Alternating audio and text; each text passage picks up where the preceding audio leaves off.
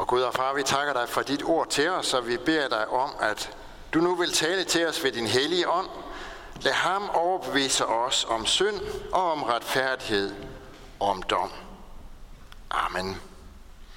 Det er det hellige evangelium, skriver evangelisten Johannes.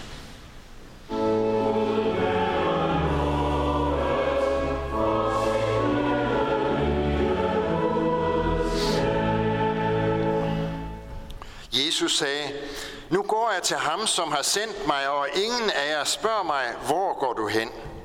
Men fordi jeg har talt sådan til jer, er jeres hjerte fyldt af sorg. Men jeg siger jer sandheden. Det er det bedste for jer, at jeg går bort, for går jeg ikke bort, vil talsmanden ikke komme til jer. Men når jeg går herfra, vil jeg sende ham til, til jer, og når han kommer, skal han overbevise verden om synd og om retfærdighed og om dom. Om synd, at de ikke tror på mig. Om retfærdighed, at jeg går til faderen, og I ser mig ikke længere. Om dom, at denne verdens fyrste er dømt. Jeg har endnu meget at sige jer, men det kan I ikke bære nu. Men når han kommer, sandhedens ånd, skal han vejlede jer i hele sandheden, for han skal ikke tale af sig selv, men alt, hvad han hører, skal han tale, og hvad der kommer for, og hvad, eller hvad der kommer, skal han forkynde for jer. Han skal herliggøre mig, for han skal tage af mit og forkynde det for jer. Alt, hvad faderen har af mit, derfor sagde jeg, at han skal tage af mit og forkynde det for jer. Amen.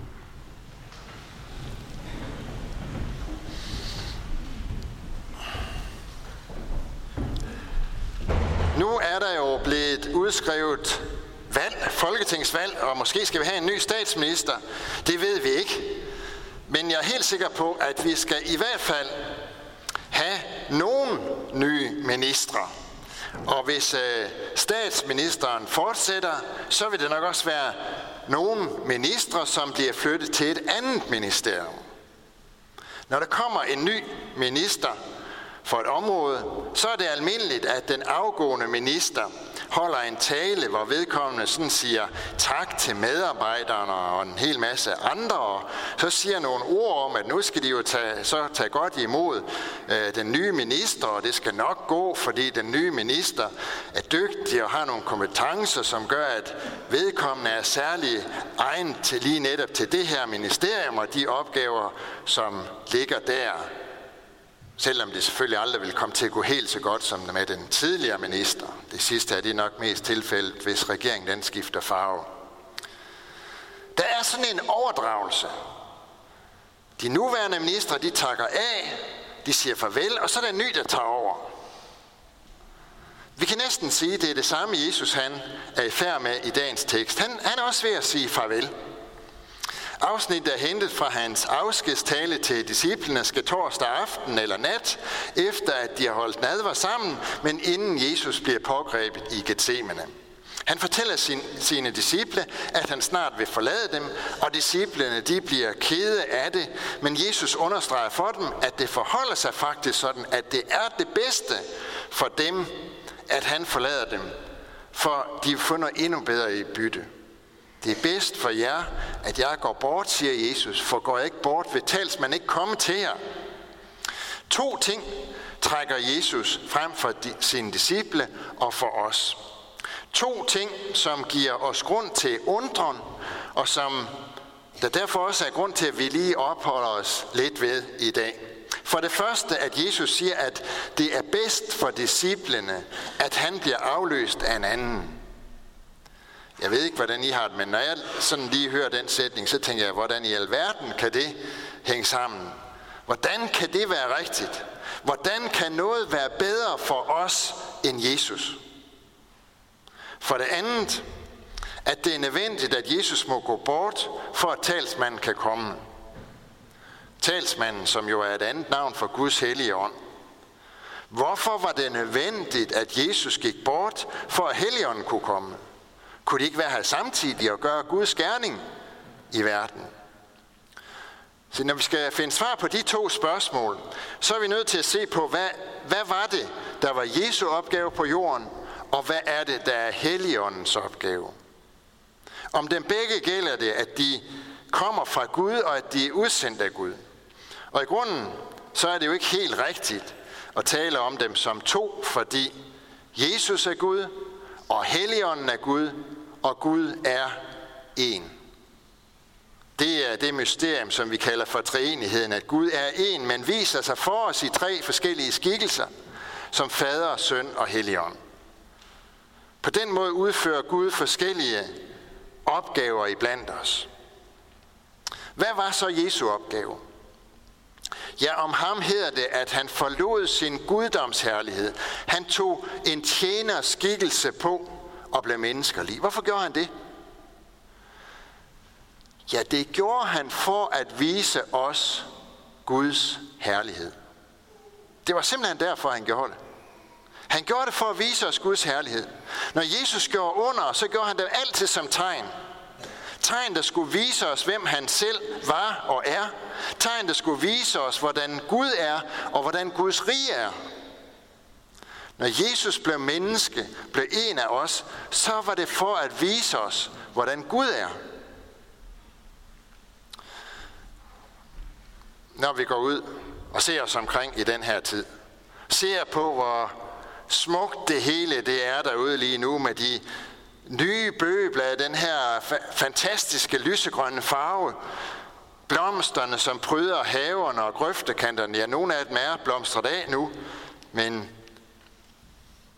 de flotte farver derude, rhododendronbuskene, som står i, i blomst, de gule ras, äh, rapsmarker, som vi kører forbi på, på landevejen, sæden, som vokser sin rolige vækst ude på markerne. Når vi ser alt det her, så, så har jeg det i hvert fald sådan, at så tænker jeg, det, det, der er jo en skaber, der står bag ved det her. Der er jo en, en Gud, som har skabt alt det her fantastiske. Vi fornemmer noget om, hvem Gud er. Vi kan også læse om ham i det gamle testamente, hvor Gud beskrives som skaber, som konge, som en klippe, ja, som en omsorgsfuld hyrde. Det hedder om ham, at han er sent til vrede og rig på troskab og sandhed. Men han beskrives også i det gamle testamente som en flammende ild, som en, der straffer, en, der tugter. Og alt sammen, så er det med til at vise os noget om, hvem Gud er. Men, for der er et men, vil vi lære ham rigtigt at kende, så er det kun et, et sted, hvor det kan lade sig gøre. Og det er Jesus Kristus. For han kom for at vise os, hvem Gud er. Han kom for at vise os Guds sande væsen.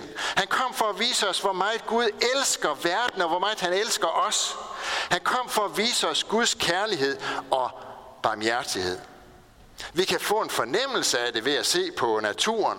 Vi kan få et indtryk af, hvem Gud er ved at læse i det gamle testamente. Men vi kan kun lære ham at kende gennem Jesus. For i ham ser vi Guds kærlighed til mennesker. At den er så stor, at han ønsker at frelse os. Derfor sendte han sin egen kære søn til jorden, for at være alt det, som vi ikke kan være, og gøre alt det gode og rigtige, som vi ikke kan gøre.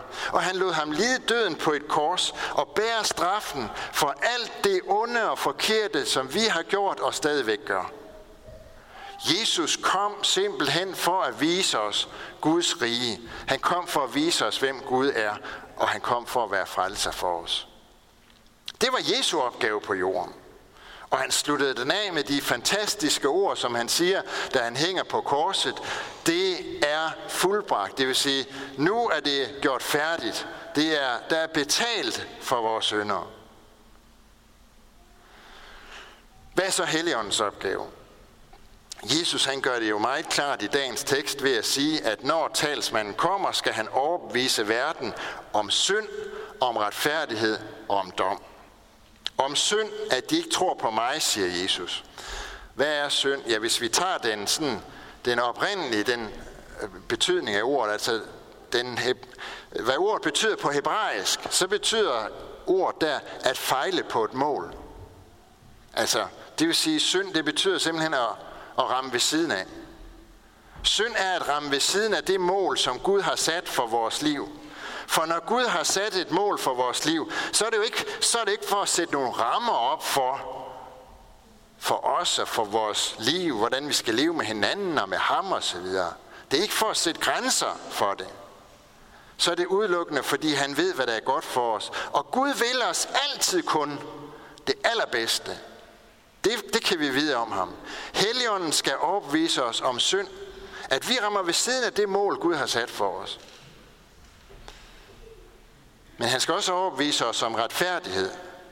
Og det er den retfærdighed, som er bundet til Jesus og hans gerning for os, som der er tale om. At han, som ikke ramte ved siden af målet, han var helt retfærdig for Gud. Han døde for os, for at hans retfærdighed skulle gælde for mig, for os. Derfor er der tilgivelse for synd. Derfor er der tilgivelse for alle os, som rammer ved siden af.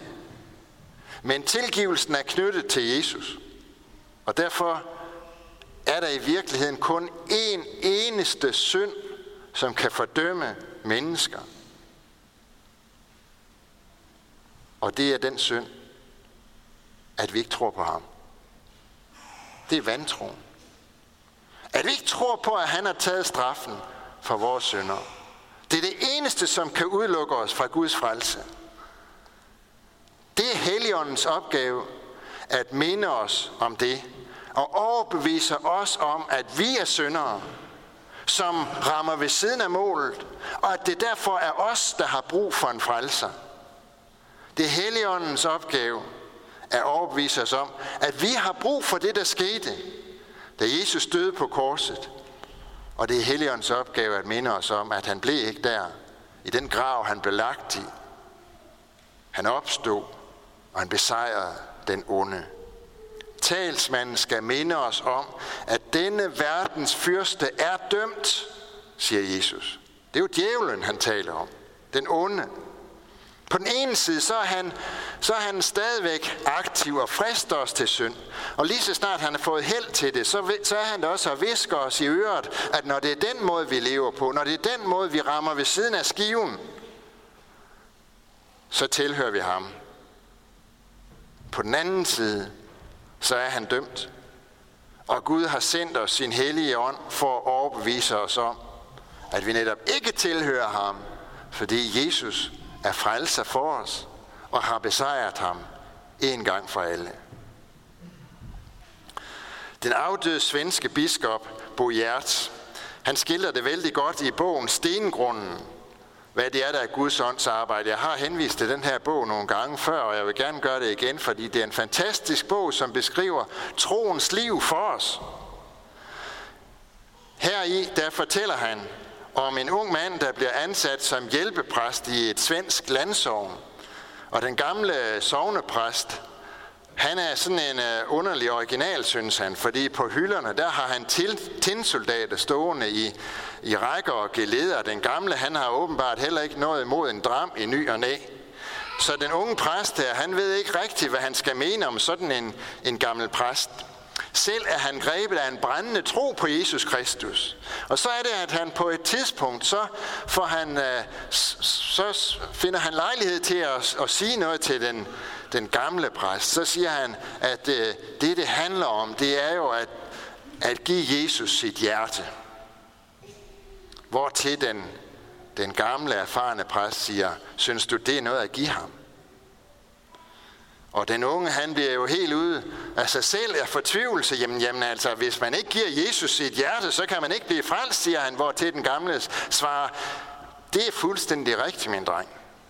Og lige så sandt er det, at hvis du tror, du bliver frelst, fordi du giver Jesus dit hjerte, så bliver du ikke frelst. Og så siger han, ser du min dreng? Øhm, sådan siger han,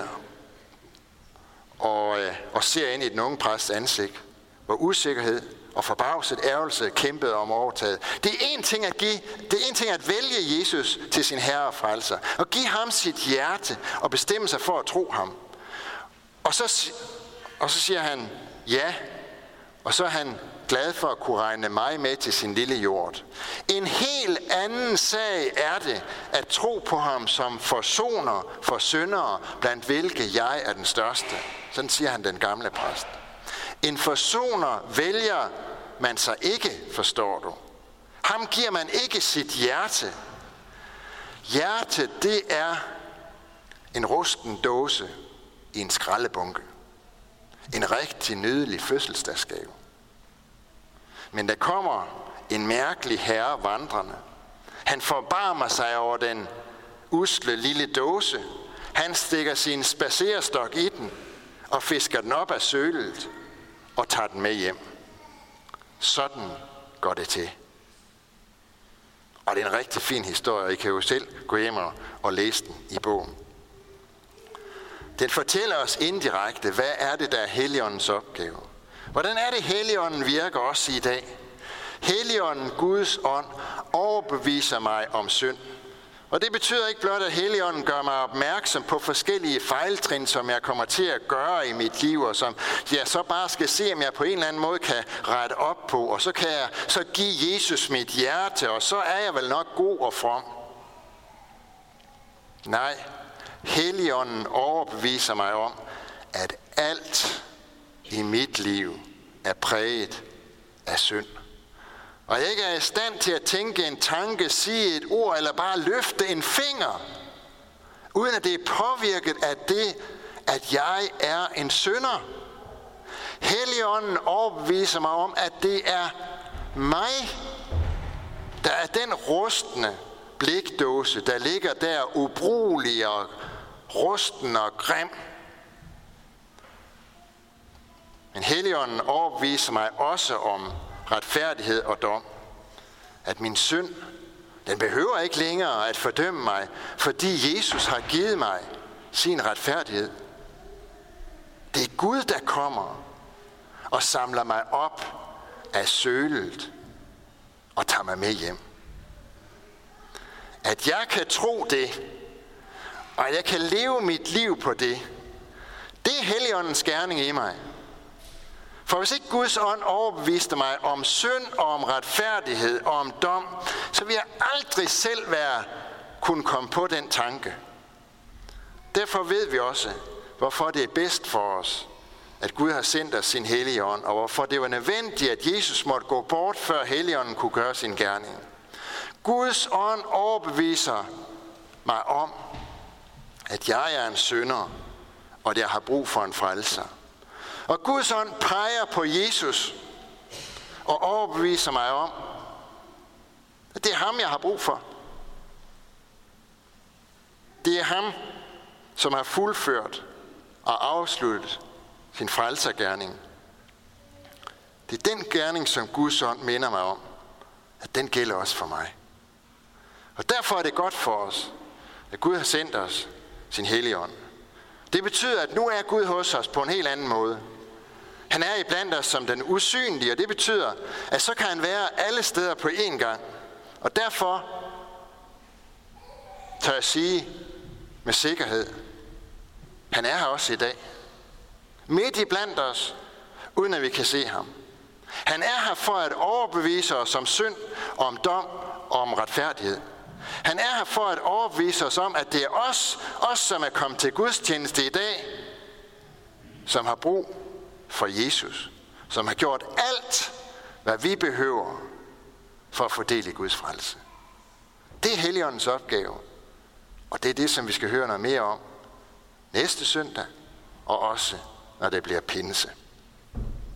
Amen.